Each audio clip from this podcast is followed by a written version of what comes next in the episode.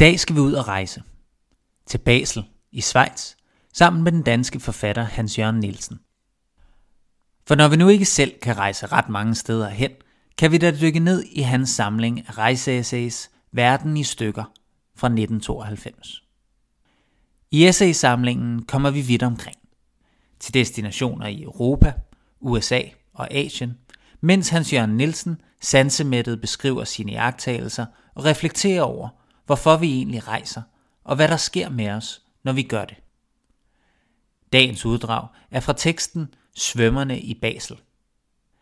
Her får et mærkværdigt syn i floden Rhinen, som løber gennem den svejtiske by, Nielsen til at sammenligne sådanne øjeblikke, som synet skaber, med poesi.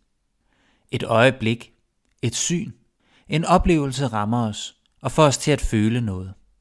Det ændrer os. Citat. Først var der ikke andet end vantro, stieren og ingenting bag. Hovedet er pludselig kommet til syne under broen lidt længere oppe, der hvor floden krummer sig op mod sit udspring i bjergene.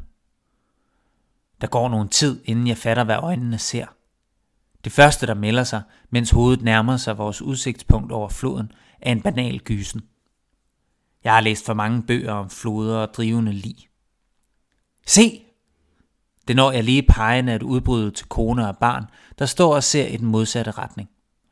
Der er forskrækkelse i mig og min stemme. Men i det de vender sig og følger min pegefinger, viser forskrækkelsen sig allerede at være malplaceret. Hovedet i floden, der nu næsten er ud for os, efter på ingen tid at have tilbagelagt flere hundrede meter, tilhører ikke noget lig. Det tilhører, ser vi nu alle tre, en højst levende svømmer, der lader sig føre med strømmen.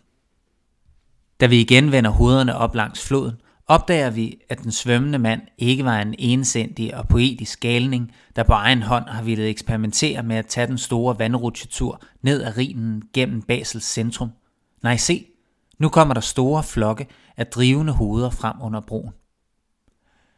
For så vidt poesi ikke bare er en litterær genrebetegnelse, men også kan gå på øjeblikke, hvor syn fortættes og mættes med sjælelig betydning, så besidder dette syn, som vi konfronteres med det, en vild poesi, der rammer dybt i mellemgulvet, hjertekuglen og hvad der ellers er af organer for den slags.